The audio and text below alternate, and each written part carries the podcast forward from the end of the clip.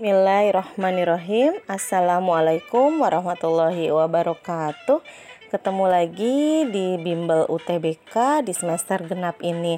Semoga selalu semangat para pejuang UTBK Dan semoga kalian bisa mendapatkan kampus impian kalian nantinya ya. Oke tetap semangat anak-anak. Kali ini Bimbel UTBK Biologi akan kembali membahas soal ya Tadi kalian sudah mengerjakan soal, sekarang kita bahas soalnya. Jawabannya ya. Oke, nomor satu di sana soalnya adalah pengelompokan bakteri berdasarkan kelompok bakteri gram positif dan gram negatif didasarkan pada Nah, bakteri itu memiliki dinding selnya terdiri dari peptidoglikan.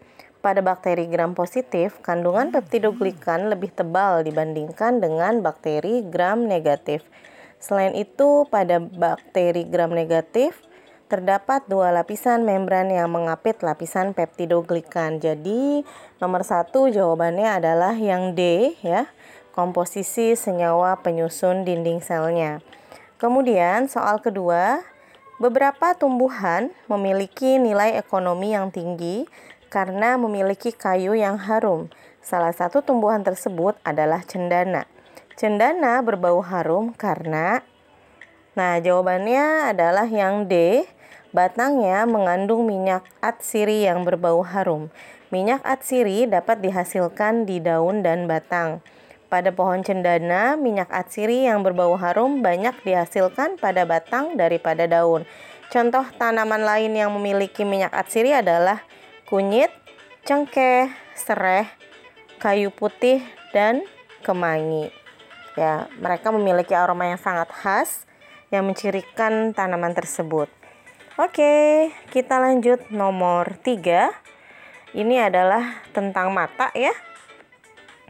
Soalnya adalah sklera pada bagian anterior mata akan tersambung dengan kita bahas dulu tentang bagian-bagian mata dari yang paling luar ya sampai yang bagian dalam. Bagian pertama yaitu kornea. Kornea ini adalah bagian terluar yang berfungsi sebagai jalan masuknya cahaya.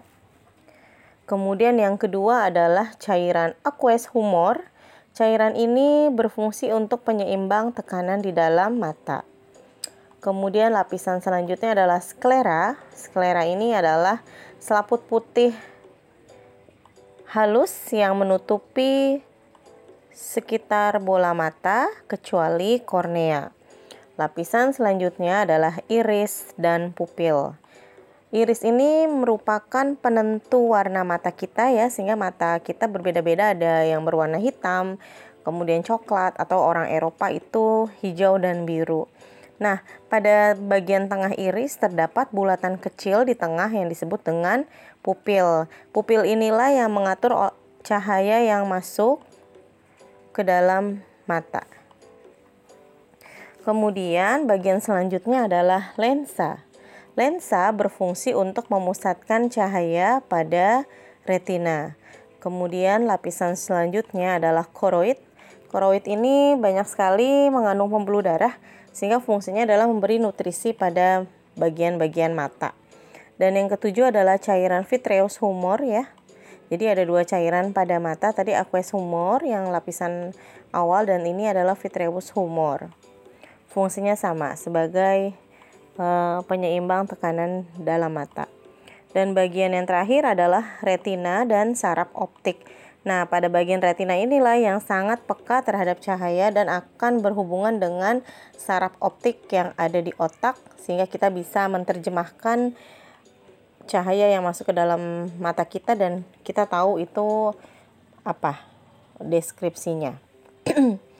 Selanjutnya, nomor 4 ini materi kelas 12 ya, yaitu tentang pembelahan sel. Lebih tepatnya adalah meiosis Meiosis, ingat ya, yang sudah kita bahas ada dua, meiosis 1 dan meiosis 2. Oke, soalnya adalah pindah silang pada meiosis yang ditandai dengan terbentuknya kias mata atau kiasma terjadi pada tahapan Oh ya, tadi yang nomor 3 mohon maaf terlewat. Nomor tiga, tadi jawabannya adalah yang berhubungan dengan sklera itu adalah corona ya. Option D. Mohon maaf, terlewat. Oke, kita kembali ke nomor empat ya. Nah, nomor empat ini Pertanyaannya adalah pindah silang pada meiosis yang ditandai dengan terbentuknya kiasmata atau kiasma terjadi pada tahapan. Nah, pada meiosis 1 terdapat fase yang disebut dengan profase 1. Nah, di profase inilah terjadi tahapan ya, ada leptoten, jigoten, pakiten, diploten, dan diakinesis atau waktu uh, pas bab pembelahan sel ibu bilang ini disingkat dengan lezat padi dia le-nya adalah leptoten z-nya ada zigoten pak-nya pakiten di-nya diploten dan dianya diakinesis oke kita bahas satu persatu ya kalau leptoten ini adalah tahapan pertama di profase 1 di sini mulai terbentuk kromosom sedangkan tahap kedua yaitu zigoten pembentukan kembaran kromosom yang disebut dengan G minus. Lang, eh, tahap yang ketiga adalah pakiten. Pakiten ini G minus terbentuk sempurna. Dan tahap keempat yaitu diploten terjadi kiasma atau terbentuk kiasma. Kiasma ini adalah kontak antara kromatid bersaudara dan terjadilah pindah silang di sini pada tahap diploten. Tahap terakhir di profase 1 adalah diakinesis. Diakinesis ini tahapan di mana kromosom sudah menebal dan nukleolus menghilang. Jadi, terbentuknya kiasma ya di mana tadi? Di tahap diploten atau option B. Next, nomor 5 Soalnya adalah pernyataan yang benar tentang teori Darwin dan Lamarck adalah sebagai berikut. Ini belum lama kita bahas ya tentang teori evolusi. Di sana ada dua perbedaan antara Charles Darwin dengan Lamarck. Kalau Darwin mengatakan bahwa dahulu itu jerapah ada dua macam leher, ada leher panjang dan leher pendek. Kemudian yang leher pendek tidak bisa beradaptasi dengan kondisi tanaman yang semakin lama semakin tinggi sehingga akhirnya mati karena kelaparan dan akhirnya musnah sehingga sampai saat ini hanya ditemukan jerapah berleher panjang saja itu menurut Charles Darwin karena Charles Darwin sangat terkenal dengan teori seleksi alamnya. Sedangkan kalau Lamarck berpendapat bahwa dahulu itu ada dua leher. Uh, dahulu itu hanya ada satu leher ya yaitu leher pendek saja. Mohon maaf tadi e, Ibu ralat kalau lama hanya ada satu leher. Kemudian karena semakin lama semakin tinggi pohonnya, maka leher jerapah tersebut dijulur-julurkan sampai akhirnya menjadi panjang dan itu diwariskan kepada keturunannya. Jadi pernyataan yang benar adalah yang A ya. Lamak berpendapat bahwa dulu leher jerapah pendek, tapi karena tumbuhan yang dimakannya semakin tinggi, lehernya menjadi panjang dan diwariskan kepada keturunannya. Oke, masih semangat ya. Udah setengah soal. Ini kita menuju ke nomor 6. Tentang inseminasi buatan. Soalnya adalah inseminasi buatan pada hewan ternak bertujuan untuk nah ini model soal 1 2 3 4 kalian harus sudah hafal ya kalau A itu apa, B, C, D, E itu apa. Jadi harus di luar kepala harus sudah paham. Inseminasi buatan atau kawin suntik yang biasanya terjadi pada hewan sapi ya. Kalau kalian sering atau pernah ke daerah Lembang, di sana ada BPPT sapi perah, di sana tidak ada sapi jantan, adanya hanya sapi betina karena sapi betina lah yang bisa hamil melahirkan dan akhirnya bisa menyusui. Jadi susunya yang dipakai untuk diindustrikan gitu. Nah, terus kok nggak ada sapi jantannya karena sapi jantannya um, hanya dibutuhkan spermanya saja biasanya dari Australia ya. Biasanya sapi jantannya dari Australia didatangkan spermanya saja, kemudian disuntikkan atau terjadi inseminasi buatan oleh dokter hewan tersebut. Itu. Jadi tidak terjadi perkawinan secara alamiah, tapi secara buatan. Inseminasi buatan atau kawin suntik memiliki karakteristik pertama, meningkatkan kualitas keturunan karena dapat dipilih gamet yang diinginkan atau terbaik. Jadi nomor satu benar ya, yaitu meningkatkan kualitas anakan. Kemudian karakteristik yang kedua adalah kinerja reproduksi akan meningkat. Inseminasi dapat membantu peningkatan dan efisiensi reproduksi. Lagi-lagi pernyataan nomor dua benar. Karakteristik yang ketiga yaitu waktu perkawinan dapat disesuaikan. Oke, pilihan tiga juga benar ya. Dan yang terakhir, yang keempat itu hasil inseminasi tidaklah seragam karena melalui proses fertilisasi terlebih dahulu. Nah, untuk pernyataan keempat tidak benar ya karena harusnya hasil inseminasi ini sangat beragam bukan seragam. Jadi yang benar adalah satu, dua, tiga optionnya adalah A.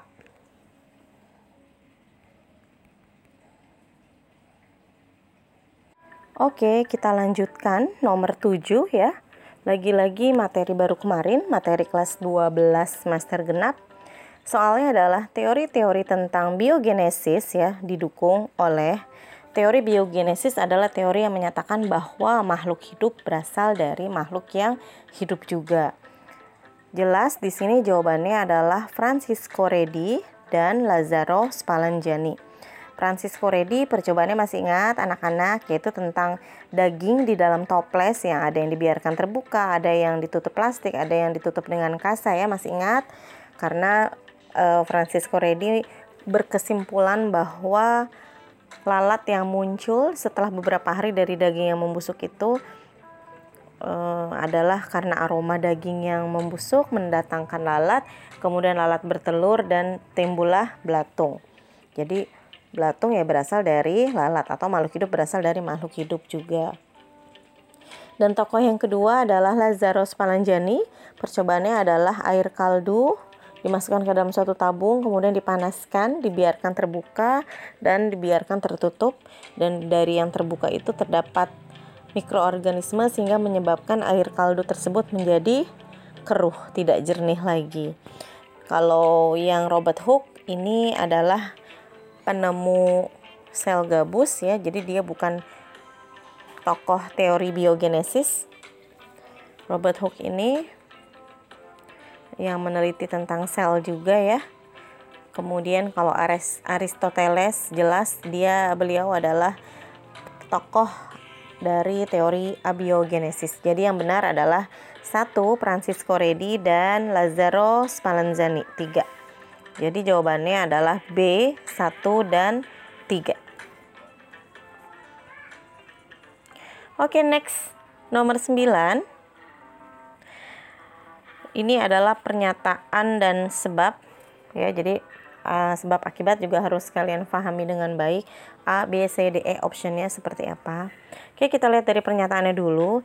Pada mekanisme inspirasi, masuknya udara dari luar menyebabkan rongga dada mengembang, sehingga posisi diafragma akan berkontraksi. Nah, pernyataan ini adalah tentang pernafasan perut. Pernapasan perut ini melibatkan otot diafragma. Jadi benar ya untuk pernyataan karena ketika kita inspirasi, maka diafragma kontraksi sehingga bentuknya menjadi lurus sehingga menyebabkan rongga dada membesar atau mengembang, paru juga ikut membesar, kemudian tekanan udara di dalam paru mengecil sehingga udara masuk. Jadi pernyataannya benar, kita lihat alasannya. Tekanan di luar lebih besar dibandingkan tekanan udara pada paru, sehingga diafragma akan berkontraksi dan udara masuk juga benar-benar pernyataan, alasan juga benar dan keduanya menimbu apa menunjukkan adanya hubungan sebab akibat. Jadi nomor 8 jawabannya adalah A. Next nomor 9 ini tentang sistem reproduksi wanita ya. Pertanyaannya adalah hormon estrogen dihasilkan oleh hormon estrogen ini yang menyebabkan wanita memiliki tanda-tanda atau ciri kelamin sekundernya ya seperti tumbuhnya buah dada, membesarnya pinggul, menstruasi itu adalah hormon estrogen. Kemudian selain itu juga estrogen yang menyebabkan setiap bulan endometrium atau lapisan rahim dari e, perempuan itu akan menebal dan kalau memang tidak terjadi kehamilan maka terjadi menstruasi. Itu adalah hormon estrogen. Siapa yang menghasilkan hormon estrogen? Yang pertama adalah sel-sel folikel ya. Sel-sel folikel ini menghasilkan ovum dan juga hormon estrogen. Selain itu, hormon estrogen juga dihasilkan oleh corpus luteum. Corpus luteum ini adalah folikel yang sudah matang dan sudah mengeluarkan oosit sekundernya. Jadi folikel yang sudah mengeluarkan oosit sekunder namanya adalah korpus luteum dan korpus luteum ini menghasilkan estrogen dan progesteron yang fungsinya adalah untuk menebalkan dinding rahim atau endometrium seorang wanita sehingga siap untuk hamil. Kalau memang tidak terjadi fertilisasi, tidak terjadi pertemuan antara sperma dengan ovum, maka estrogen dan progesteron akan turun kadarnya sehingga penebalan endometrium tidak bisa dipertahankan dan akan luruh. Itulah yang disebut dengan proses menstruasi. Ya, kalau endometrium itu lapisan rahim yang paling dalam yang kaya akan pembuluh darah yang selalu mengalami penebalan.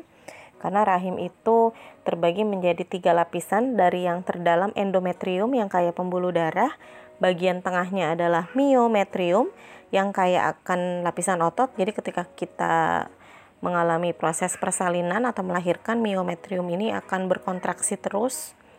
Kemudian lapisan yang paling luar adalah perimetrium.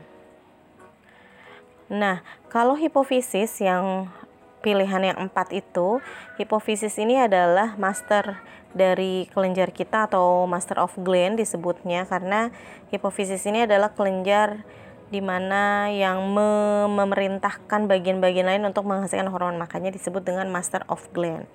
Jadi nomor 9 jawabannya adalah sel-sel folikel nomor 1 dan nomor 3 corpus luteum. Jawabannya adalah option B 1 dan 3. Yang terakhir nomor 10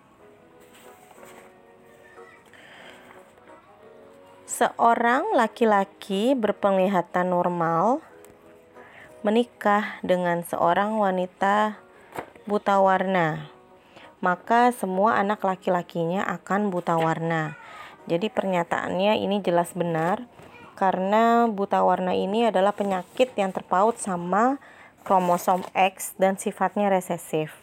Jadi laki-laki yang memiliki gen colorblind atau CB atau BW pasti akan mengalami buta warna.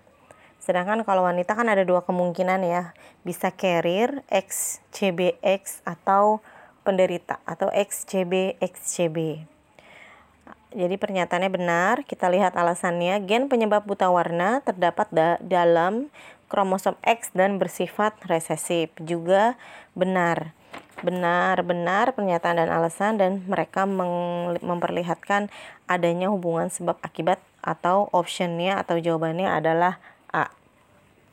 Ya, karena memang terpaut pada kromosom X dan bersifat resesif serta tidak memiliki alel pada kromosom Y. Maka seorang anak laki-laki pasti mendapatkan kromosom X yang mengandung gen buta warna dari ibunya yang buta warna. Oke ya. Semoga bisa difahami dengan baik bimbel kali ini ya. Dan semangat selalu untuk terus berlatih. Kuncinya adalah terus berlatih dan berlatih supaya nanti ketika kalian mendapatkan soal oh ini sudah terbiasa atau karena memang sering diajarkan atau sering kalian melatih diri kalian sendiri. Oke, terima kasih banyak atas segala perhatiannya. Ibu selalu berdoa untuk kesuksesan kalian di dunia dan di akhirat. Yang penting kalian selalu berusaha dan terus berdoa tanpa lelah. Terima kasih atas segala partisipasinya. Mohon maaf atas segala kekurangan. Wassalamualaikum warahmatullahi wabarakatuh.